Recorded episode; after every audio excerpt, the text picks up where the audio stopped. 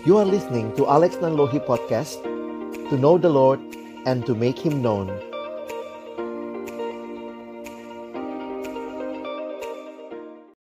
Kami datang dalam ucapan syukur malam hari ini Terima kasih Tuhan. Karena Engkau Allah yang sungguh nyata dalam hidup kami. Kami memuji menyembahmu ya Tuhan Dan tiba waktunya bagi kami Untuk membuka firman-Mu ya Tuhan kami mohon ketika kami membuka firman-Mu, bukalah juga hati kami. Jadikanlah hati kami seperti tanah yang baik, supaya ketika benih firman-Mu ditaburkan, boleh sungguh-sungguh berakar, bertumbuh, dan juga berbuah nyata di dalam kehidupan kami. Tolonglah kami semua ya Tuhan bahwa pada akhirnya kami bukan hanya jadi pendengar-pendengar firman yang setia, tapi mampukan dengan kuasa, dengan pertolongan dari rohmu yang kudus kami dimampukan menjadi pelaku-pelaku firman-Mu di dalam kehidupan kami, di dalam masa muda kami. Bersabdalah ya Tuhan, kami anak-anakmu sedia mendengarnya dalam satu nama yang kudus, nama yang berkuasa. Nama Tuhan kami Yesus Kristus, Sang Firman yang hidup. Kami menyerahkan pemberitaan firman-Mu. Amin. Ya, Silakan duduk bagi saudara-saudara yang ada di gereja. Shalom, selamat malam. Senang bisa kembali melayani pada saat ini. Shalom untuk Pak Pendeta dan juga mungkin untuk saudara saudara-saudara kita yang ada bersama-sama, baik yang berkumpul maupun juga yang mengikuti Zoom ini. Kita akan sama-sama melihat satu tema yang menarik pada malam hari ini adalah berbicara tentang berani tampil beda. Wah, apa sih yang Tuhan panggil untuk kita hadirkan dalam dunia ini sampai harus tampil beda seperti itu ya. Nah, nanti kita akan melihat sama-sama kalau teman-teman ingin belajar lebih dalam bisa membaca keseluruhan khotbah di bukit di dalam Matius pasal yang kelima sampai Matius pasal yang ketujuh. Tapi untuk malam hari ini saya mengajak kita secara khusus hanya melihat di dalam Matius pasal yang kelima ayatnya yang pertama sampai dengan ayat yang ke-12 ya. Jadi kita akan melihat sama-sama Matius pasal yang kelima ayat 1 sampai ayat yang ke-12. Saya mengajak kita membacanya dan saya sudah menuliskan ayatnya. Kalau terlihat di layar, silakan bisa ikut membaca, tetapi saya juga akan membacakannya bagi kita.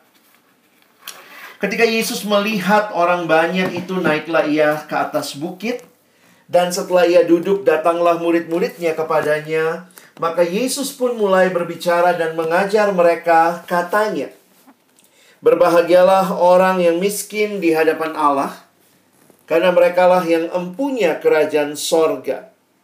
Berbahagialah orang yang berduka cita, karena mereka akan dihibur.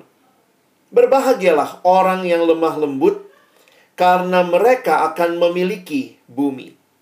Berbahagialah orang yang lapar dan haus akan kebenaran, karena mereka akan dipuaskan. Berbahagialah orang yang murah hatinya, karena mereka akan beroleh kemurahan. Berbahagialah orang yang suci hatinya, karena mereka akan melihat Allah. Berbahagialah orang yang membawa damai, karena mereka akan disebut anak-anak Allah. Berbahagialah orang yang dianiaya oleh sebab kebenaran, karena merekalah yang empunya kerajaan sorga. Berbahagialah kamu, jika karena aku kamu dicela dan dianiaya, dan kepadamu difitnahkan segala yang jahat. Bersukacita dan bergembiralah. Besar upahmu di sorga. Sebab demikian juga telah dianiaya nabi-nabi yang sebelum kamu.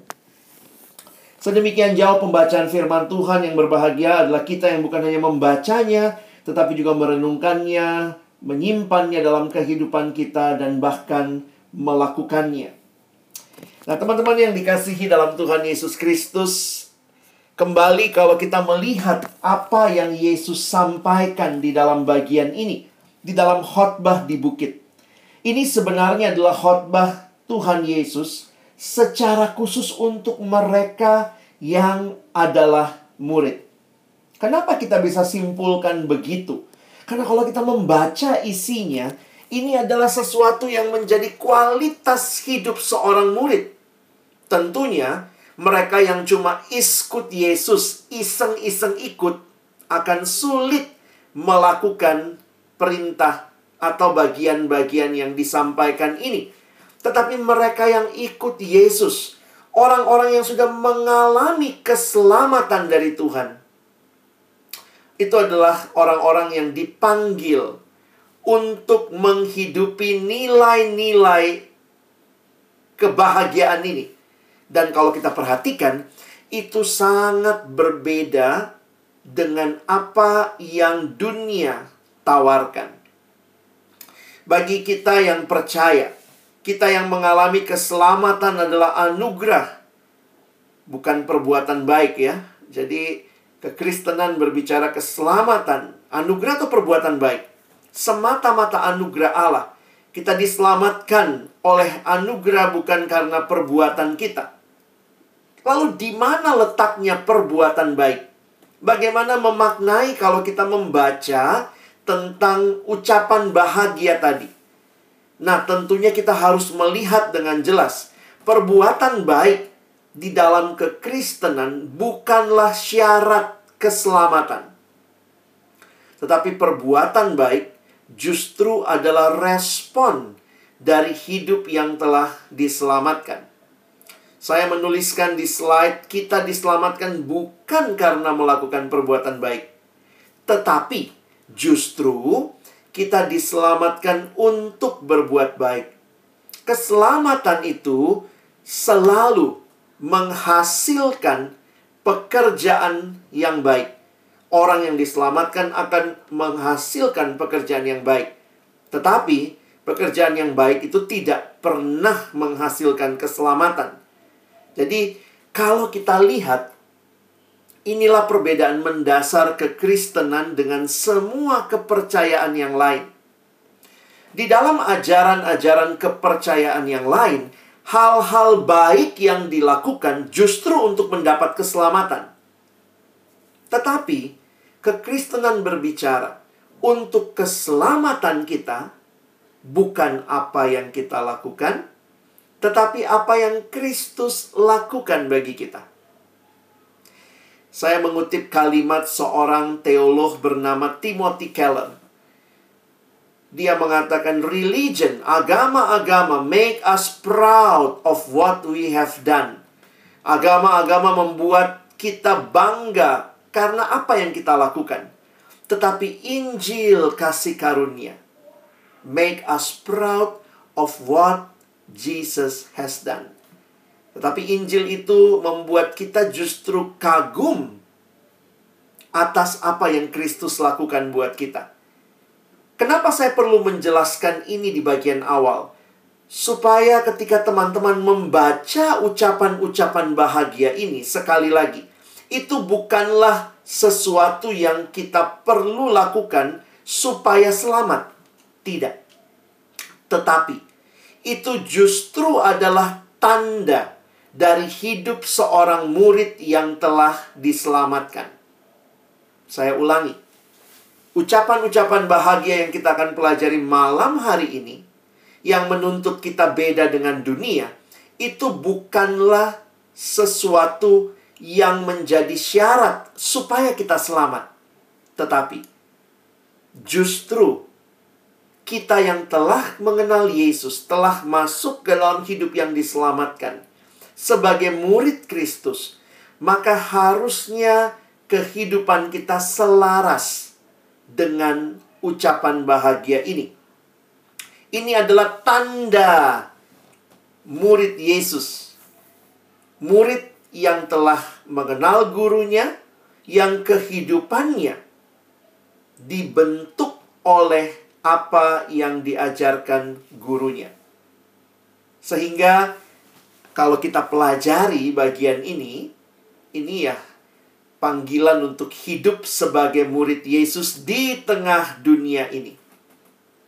Baik, Kita coba lihat ya sama-sama. Kalau kita perhatikan berulang kali, makanya ini sering kali juga disebut ucapan bahagia. Karena kata yang mengawali ucapan ini adalah kata berbahagialah. Dalam bahasa Yunani dipakai istilah makarioi, ya, makarios. Jadi sebenarnya banyak terjemahan yang berusaha menangkap maknanya. Memang kalau menerjemahkan tuh kadang sulit ya. Apa sih arti berbahagia? Tapi sebenarnya di sisi lain, terjemahan yang lain menggunakan istilah diberkatilah. Jadi sebenarnya kalau kita merangkum, ini adalah sebuah suruhan dengan nuansa sukacita, bukan sekadar pernyataan yang datar. Jadi apa yang disampaikan? Berbahagialah, diberkatilah. Makanya kalau kita lihat terjemahan dalam bahasa Inggris, biasanya ada yang menggunakan uh, blessed ya. Blessed itu bisa berarti bahagia, tapi juga mengandung pengertian menikmati berkat diberkatilah. Bukankah ini yang manusia cari dalam dunia? Kita pengennya bahagia gitu ya. Tapi bahagia itu apa? Apa yang bisa membuat kita bahagia?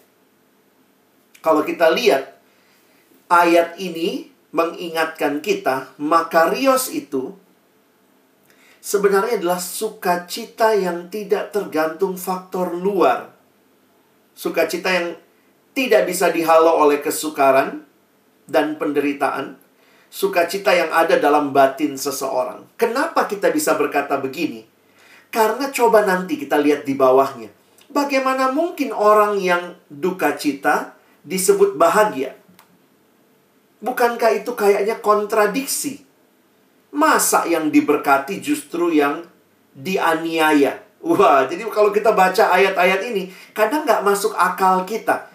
Karena itu apa yang dimaksud dengan bahagia nampaknya bukanlah suasana tanpa pergumulan.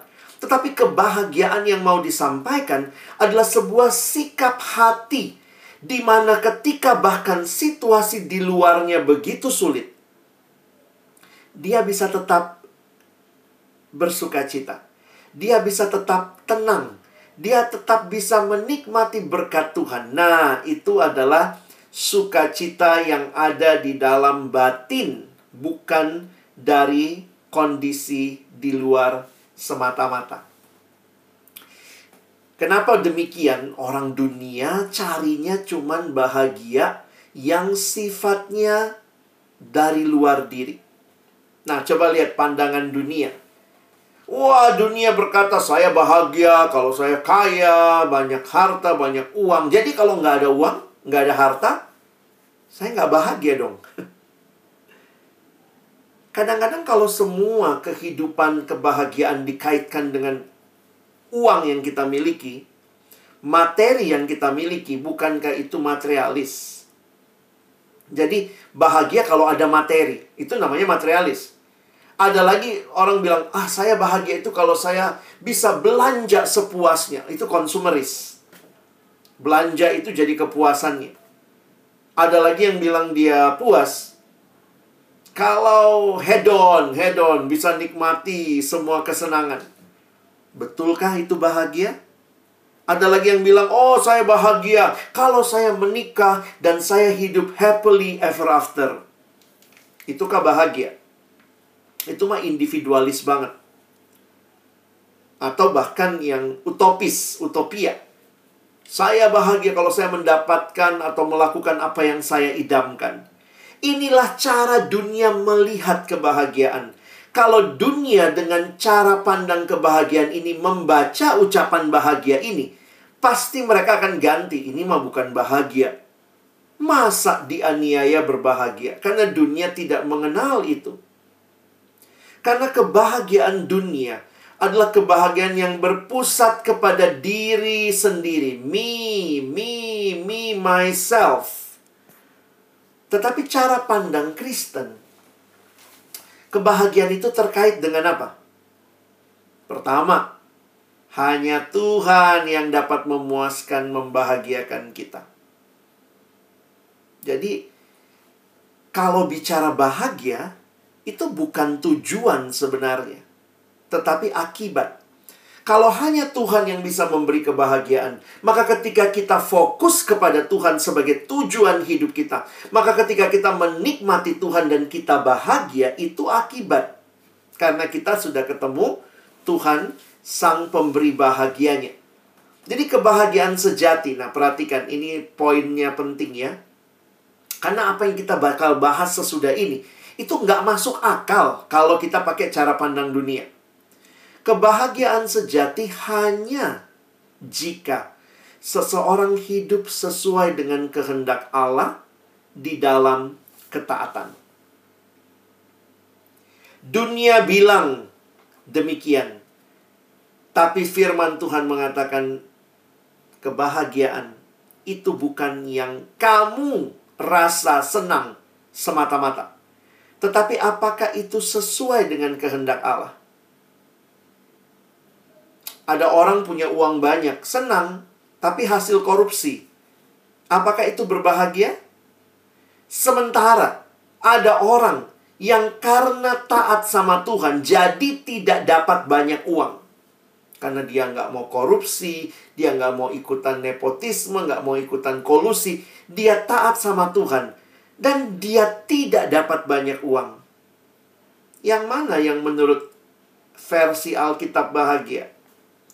Banyak uang dalam ketidaktaatan atau taat dan karena taat dia tidak banyak uang. Ya maunya sih taat dan banyak uang ya, pengennya begitu ya. Tapi ya realitanya kadang-kadang Tuhan izinkan kita masuk dalam situasi di mana kita akhirnya melihat yang mana sebenarnya yang bahagia. Makanya sesuai dengan tema malam hari ini, kita itu dipanggil untuk hidup beda dengan dunia. Nah, ini panggilan yang gak mudah, teman-teman. Sulit. Bukan cuma sulit ya. Mungkin kalau pakai bahasa Inggris, sulit ya, saking susahnya. Tetapi ingat, kalau Tuhan panggil, Tuhan pasti perlengkapi. Kalau Tuhan panggil, Tuhan pasti perlengkapi. Nah, yuk kita masuk ya. Kita lihat ucapan-ucapan bahagia yang sekali lagi. Lihatlah bukan dalam kacamata dunia yang materialis, yang utopis, yang individualis, yang konsumeris, yang hedonis. Bukan. Lihatlah dalam kacamata kekristenan, kacamata kehendak Tuhan, dan ketaatan kepada Tuhan. Siapa yang dikatakan berbahagia? Nah, yang pertama, orang yang miskin di hadapan Allah. Karena mereka lah yang empunya kerajaan sorga. Kerajaan sorga. Kerajaan di mana Allah ada. Bayangkan, itu milik orang yang miskin di hadapan Allah. Sebenarnya apa sih arti miskin di sini? Apakah miskinnya hanya miskin secara materi? Sebenarnya dalam terjemahan yang lain, kalau kita lihat Injil Lukas, itu kaitannya dengan kemiskinan materi. Tetapi di dalam Injil Matius ini, khotbah yang sama, nampaknya Yesus mengkaitkan dengan miskin di hadapan Allah. Kalau nanti baca Lukas tuh kalimatnya berbahagialah orang yang miskin ya. Tetapi di dalam Matius, berbahagialah orang yang miskinnya di mana? di hadapan Allah. Orang yang miskin di hadapan Allah adalah sebuah sikap. Sikap yang bagaimana? Bergantung penuh kepada kepada Allah. Karena dia miskin. Ternyata sering kali, nah ini dunia bicaranya apa ya? Makin maju dunia ini, makin berkembang dunia ini, banyak yang makin gak peduli sama Tuhan. Wah itu menyedihkan ya. Ada orang-orang yang ya waktu saya studi dulu ya, saya pernah dapat kesempatan studi waktu itu belajar teologi ya tentang misi dan kemudian saya datang ke satu negara di Eropa dan ketika studi di sana tuh kadang nonton TV ya ketemu dengan beberapa orang di eh, kadang-kadang kita lagi jalan ketemu di taman ngobrol Terus ada yang bilang, wah saya udah nggak percaya sama kekristenan. Nggak masuk akal Tuhan itu. Wih, saya lebih percaya, I have faith in science. Wah.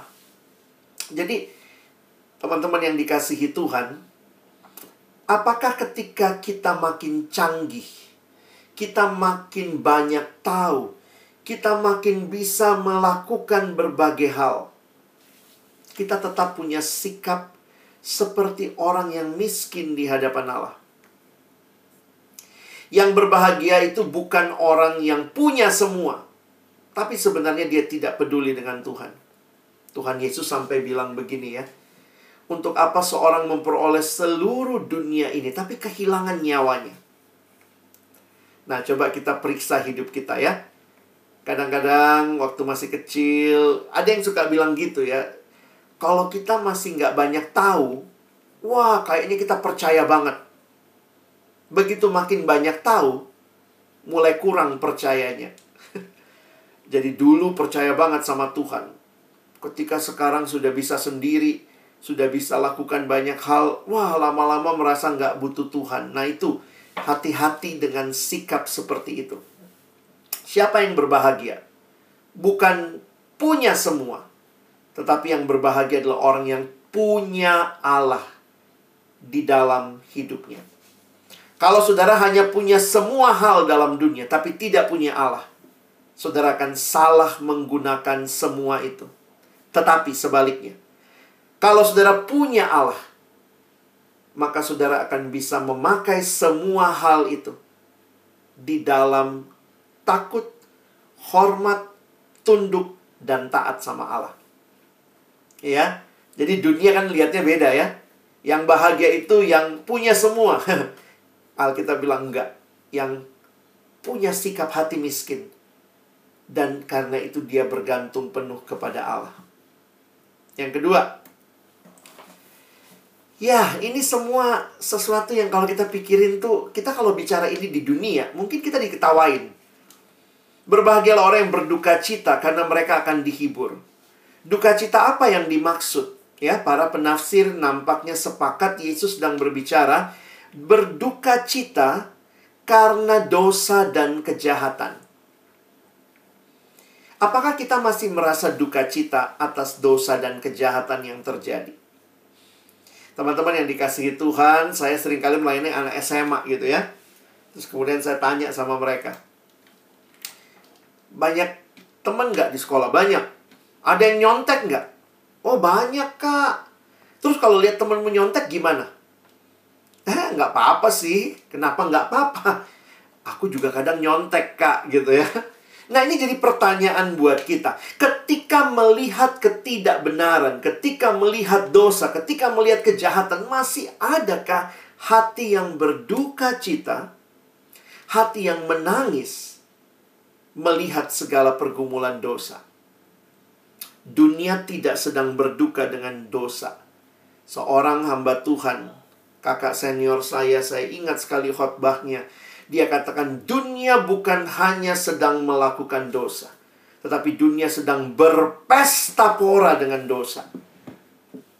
Bagaimana kita orang Kristen? Kita adalah orang yang harusnya berduka cita karena dosa dan kejahatan. Dan karena itulah Janjinya apa? Kita akan dihibur. Perhatikan ya, semua kalimatnya mengandung janji. Masih ingat tadi? Berbahagialah orang yang miskin di hadapan Allah karena mereka yang punya kerajaan sorga. Jadi memang ini semua bukan yang dunia tawarkan ya. Lalu ini tadi. Berbahagialah orang yang berduka cita. Kenapa? Mereka akan dihibur. Siapa yang menghibur? Allah sendiri. Ketika melihat kebobrokan, kadang-kadang susahnya begitu ya. Ketika lihat orang salah, apakah kita masih punya hati yang menangisi kegagalan dan dosa itu? Atau hati kita makin merasa biasa? Saya ketemu pemuda yang cerita, Wah kak, di kampus saya free sex itu udah biasa kak Jadi dia ceritain tentang free sex itu juga seperti biasa gitu ya. Dalam hati saya ini anak masih punya hati yang berduka nggak ya? Ngeliat temennya jatuh dalam dosa. Waktu itu saya kan tanya sama dia. Jadi di kampusmu banyak yang udah menikmati free sex itu. Iya kak. Sekarang tuh udah biasa. Apakah ketika itu sudah jadi biasa, masihkah kita punya duka cita yang sama? Mungkin itu yang perlu kita refleksikan. Kita lihat yang berikutnya. Berbahagialah orang yang lemah lembut. Nah, Alkitab kalau bicara lemah lembut sebenarnya ini terjemahannya kalau dalam bahasa Inggris dipakai istilah meek. Meek itu ya lemah lembut terjemahan Indonesia. Cuma kadang-kadang kalau dengar kata lemah lembut di bahasa Indonesia, kita langsung bayangannya lemah gemulai ya. wah dia lemah lembut. Wah kayak cewek. Misalnya cowok kayak cewek wah dia lemah lembut. Enggak. Lemah gemulai beda dengan lemah lembut. Istilah Alkitab tentang lemah lembut justru adalah orang yang memiliki penguasaan diri yang baik. Siapa yang berbahagia? Orang yang lemah lembut. Mereka akan memiliki bumi. Apa maksud kalimat ini saya mau ambil kontrasnya. Kalau dunia berpikir orang yang kuatlah yang akan menaklukkan dunia. Itu cara pikir dan cara pandang dunia. Kalau dia kuat, maka dia akan menaklukkan dunia. Tapi Yesus justru berkata, Berbahagialah orang yang lemah lembut, yang bisa menguasai dirinya, Teman-teman yang dikasihi Tuhan, kata lemah lembut di sini salah satu ilustrasinya begini. Pernah lihat kuda liar, ya? Lalu kalau kuda liar itu berhasil dijinakkan, maka itu yang disebut lemah lembut. Jadi, dalam bahasa Yunani, kata lemah lembut atau prautes ini adalah kata yang dipakai untuk kuda liar yang kemudian berhasil dijinakkan, maka kuda itu disebut lemah lembut. Jadi sebenarnya kalau pakai gambaran itu, kuda liar itu kan biasanya kekuatannya besar sekali ya. Apakah masih punya kekuatan kuda itu? Ya karena dia dulunya kuda liar, sekarang pun masih punya kekuatan. Tetapi dia sudah bisa mengendalikan kekuatan itu untuk tunduk di bawah siapa yang menjadi penunggangnya. Kita kan tahu ya kalau kuda liar susah ditunggangi. Tapi ketika sudah dilatih, dilatih akhirnya bisa ditunggangi. Kudanya masih punya kekuatan masih. Tapi sekarang sudah jinak lah.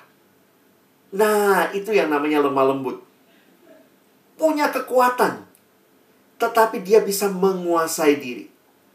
Dunia cuma bicara kekuatan dunia lupa bahwa bukan kekuatan yang menaklukkan dunia, tetapi penguasaan diri.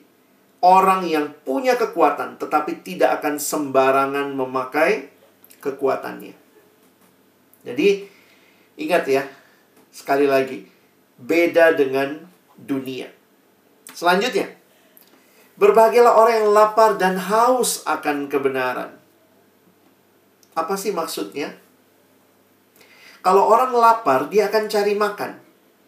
Kalau orang haus, dia akan cari minum. Dan lapar dan haus menjadi kondisi manusia selama dia hidup. Dan janjinya mereka akan dipuaskan. Saya mengutip pemahaman ini dalam sebuah tafsiran mengatakan yang lapar dan haus itu berarti orang yang mencari kebenaran sebagai tujuan hidupnya. Dia lapar dan haus akan kebenaran. Kalau ini jadi tujuan kita, wow. Jangan berpikir terbalik ya. Kadang-kadang yang kita cari uangnya. Soal dapat uangnya dengan cara benar, nggak benar, nggak peduli. Tapi yang jadi tujuan adalah kebenarannya memang orang yang cuma cari uang bisa jadi pakai cara yang nggak benar. Tapi orang yang benar bisa jadi malah nggak dapat uang gitu ya. Itu juga bisa terjadi. Kenapa? Karena mau hidup benar, hidup jujur, akhirnya mungkin disingkirkan, tidak dapat proyek, dan seterusnya. Saya ingat waktu masih SMA dan kuliah. Justru kita yang nggak mau nyontek, malah dijauhin temen. Lucu juga ya. Kita yang karena nggak mau nyontek, teman-teman nyontek, nilai mereka tinggi. Awalnya saya sedih banget gitu ya. Tapi akhirnya saya sadar. Kalau saya senang dengan nilai tinggi, tapi saya lupa nilai itu saya cari dengan cara yang nggak benar, maka itu sedih. Satu waktu saya diundang ke sekolah Kristen yang bikin uh, tema tema pertemuan. Waktu itu pertemuan orang tua ya Justru saya diundang memberi ceramah kepada pertemuan orang tua murid dengan judul topik uh, nilai atau karakter. Wah, itu kayaknya dua hal yang susah ya. Nilai atau karakter. Kebenaran itu karakter. Nilai itu kan resultnya, hasil. Setelah saya kaji secara firman Tuhan, akhirnya saya bilang, Bapak Ibu kita nggak disuruh milih sebenarnya harusnya ada nilai dan karakter. Jadi bukan nilai atau karakter. Saya revisi sedikit tema kita. Nah, saya bilang sama orang tua ya, Bapak Ibu jangan cuman mikirin nilai, tapi juga harus karakter. Jadi kalau anak-anak Bapak Ibu pulang, ini kan orang tua ya, kalau anaknya pulang, kadang-kadang dia nanyanya apa? Eh, dapat berapa tadi? Berapa nilainya ujian tadi? Saya bilang kalau Bapak Ibu cuma tanya berapa nilainya ujian tadi, Bapak Ibu sedang tanya tanya skor, tanya nilai. Bagaimana pertanyaan karakter? Saya pikir Bapak Ibu harus lanjut lagi. Kalau anak Bapak Ibu tanya, berapa nilaimu tadi? Sembilan, Mak. Sembilan, Pak. Pertanyaan karakter. Kamu jujur nggak ngerjain ujian tadi? Iya, Papa Mama. Wah, itu berarti nilai dan karakter. Dan saya bilang juga sebaliknya. Kadang-kadang jangan juga berpikir begini, oh yang penting saya jujur, tapi sebenarnya saya bodoh, nggak mau belajar, ya nggak gitu juga. Saya bilang kalau bapak ibu tanya sama anak pulang sekolah, kamu jujur nggak tadi ngerjain ujian? Iya. Berapa nilainya? 80, puji Tuhan ya. Jadi akhirnya memang terlihat ya, orang yang jujur itu belajar sungguh-sungguh Beda dengan orang yang tukang nyontek. Yang dia merasa belajar itu hanya demi dapat nilai. Sehingga dia tidak berjuang. Nah pertanyaannya, gimana nih? Beda nggak kita dengan dunia? Apa yang kita lihat? Kebenarannya? Atau sekedar mencapai yang kita mau? Tuhan berjanji, yang mencari kebenaran sebagai tujuan hidupnya, mereka akan dipuaskan. Next, kita lanjut lagi ya. Berbahagia orang yang murah hatinya karena mereka akan beroleh kemurahan. Dunia tidak punya konsep murah hati yang sesungguhnya. Saya ingat satu waktu ada yang bilang gini, Bang Alex, kalau kita mau maju sekarang, kita harus punya ilmu tega. Gimana ilmu tega? Dia bilang pakai gaya katak. Kalian tahu gaya katak? Pernah berenang gaya kodok, gaya katak?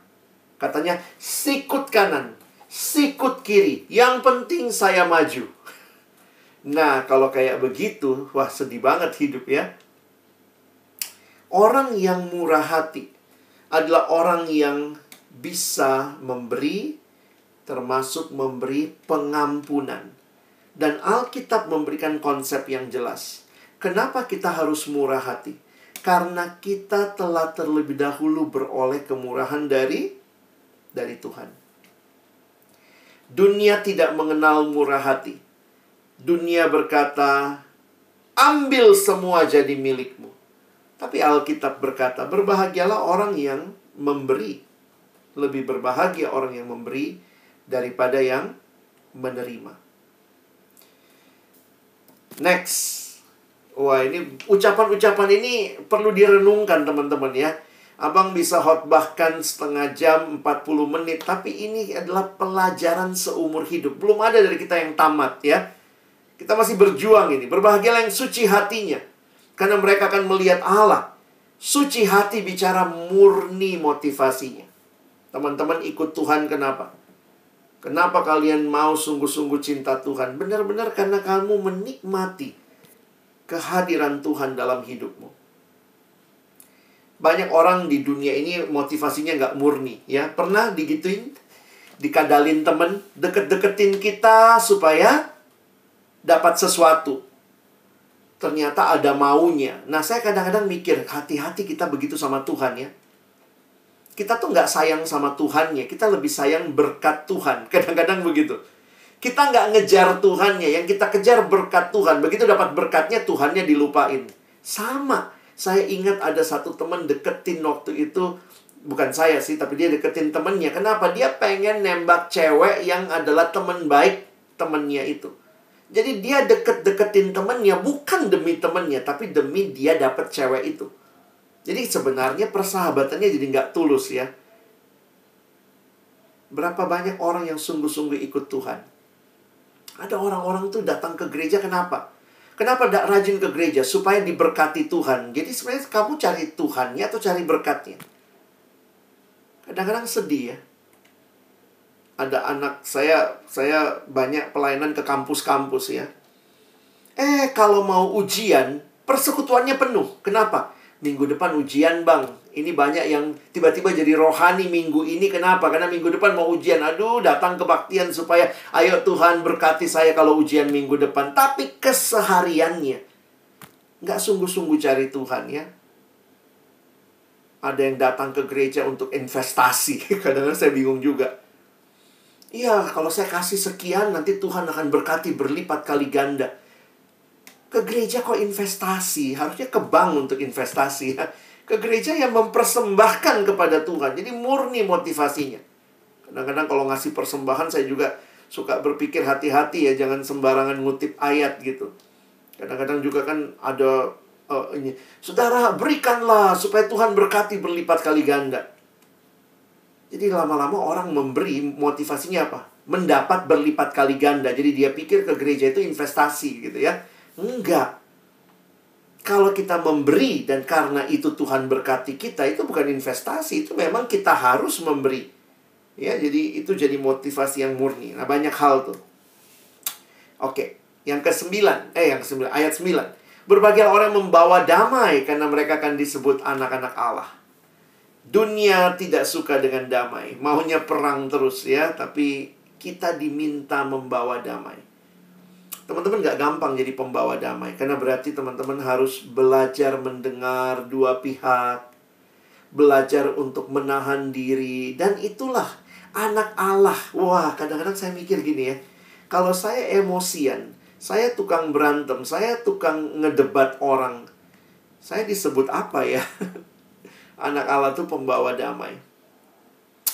Terakhir. Wah. Ayat 10 sampai ayat 12 ini yang saya katakan tadi nggak gampang ngertinya. Bagaimana bisa ada kata bahagia ketika dianiaya? Tapi lihat dulu ya, alasan dianiaya oleh sebab kebenaran. Berbahagialah kamu, kamu dicela, dianiaya, difitnahkan segala yang jahat. Tuhan gimana mungkin? Mungkin kita nggak dapat apa-apa di dunia ini. Tapi bersuka cita dan bergembiralah. Karena upahmu besar di sorga. Lalu Yesus tambahin ya. Mungkin ada yang protes dalam hati ya. Ya ampun Tuhan, ikut Tuhan kok sedih amat sih? Tuhan bilang, sebab demikian juga telah dianiaya nabi-nabi yang sebelum kamu. Kadang-kadang kita tuh suka lucu ya. Kita mau ikut Tuhan, tapi nggak mau bayar harga. Saya ingat seorang hamba Tuhan mengingatkan, ingat saudara-saudara orang muda, Tuhan Yesus yang engkau dan saya ikuti, dia Tuhan yang lewat jalan salib, dia bukan lewat jalan tol. Kita maunya jalan tol, jalan bebas hambatan, tapi Yesus kita dia lewat jalan salib. Dan harganya nyawanya sendiri. Teman-teman siap hidup benar? ikut Yesus. Yang bahagia itu bukan orang yang dapat semua, tapi itu dengan cara yang nggak benar. Tidak. Dunia tidak mengenal hal ini. Karena dunia hanya sibuk dengan saya dapat apa. Tapi buat kita, bahagia itu kalau saya hidup dalam kehendak Tuhan. Kalau saya hidup benar dan resikonya mungkin saya dicela, dianiaya. Waktu saya nggak mau nyontek, saya ingat waktu masuk kuliah, saya nggak mau nyontek, teman-teman manggil saya, saya ingat teman baik saya, manggil saya langsung, ah dasar lu pendeta. Jadi teman-teman saya sudah dipendetakan sejak kuliah tingkat satu oleh teman saya. Karena saya bilang saya nggak mau nyontek. Wah langsung dia bilang, pendeta kau. Puji Tuhan beberapa tahun kemudian terbukti gitu ya. Tapi saya pikir saya juga dulu nggak nggak nyaman teman-teman. Ya, bayangkan ya kita masih muda, Lalu kemudian teman kita bilang kita pendeta, rasanya wah dicela. Tapi sekarang saya bisa katakan Tuhan terima kasih. Tidak mudah, tetapi itulah harga yang Tuhan izinkan kita lalui. Oke, teman-teman yang dikasihi Tuhan, ini karakter Kristen sejati yang kita pelajari malam hari ini ya. Ayo kita sama-sama cek lagi. Beda sama dunia, oh beda banget kita seperti apa? Bergantung penuh pada Allah? Coba evaluasi. Jangan-jangan kita makin merasa nggak butuh Tuhan. Masih berduka cita karena dosa? Miliki pengen, peng, penguasaan diri? Benar-benar cari kebenaran? Benar-benar murah hati? Motivasinya murni? Termasuk ikut Tuhan dengan motivasi yang murni? Bersahabat juga dengan orang motivasinya murni? Membawa damai? Bukan kalau kamu datang malah orang perang gitu ya. Rela hidup benar dengan segala resikonya. Bagaimana kita bisa mengalami hidup seperti ini? Teman-teman perlu terus bertumbuh ya. Nikmatilah, Tuhan kasih kita tiga hal buat bertumbuh. Pertama, dia kasih kita roh kudusnya. Memimpin kita bertumbuh. Roh kudus juga mewahyukan firman karena itu mau bertumbuh, mau hidup benar, pegang firman Tuhan. Firmanmu itu kebenaran. Firmanmu pelita bagi kakiku. Terang bagi jalanku. Kita hidup dalam dunia yang gelap. Gimana bertahan? Ayo, baca firmannya. Jadi, hidup beda dengan dunia itu perlu kita tetap bertumbuh. Kita perlu pegangan firman Tuhan. Dan yang terakhir, ingat, untuk engkau dan saya bertumbuh Tuhan berikan komunitas. Ya. Teman-teman, kita punya komunitas di gereja, sesama pemuda. Ayo bangun hidup yang bertumbuh di dalam komunitas. Ibadah-ibadah, persekutuan, kelompok-kelompok sel, kelompok kecil itu jadi cara Tuhan membawa kita dalam pertumbuhan. Mau hidup beda? Ikut Tuhan sungguh-sungguh, hidup dalam pimpinan Roh Kudus, hidup membaca firman, dan juga hidup dalam komunitas. Apakah ini juga jadi pilihan teman-teman untuk hidup beda di dalam dunia? Kiranya Tuhan menolong kita, bukan cuma jadi pendengar firman, tapi jadi pelaku-pelaku firman. Amin.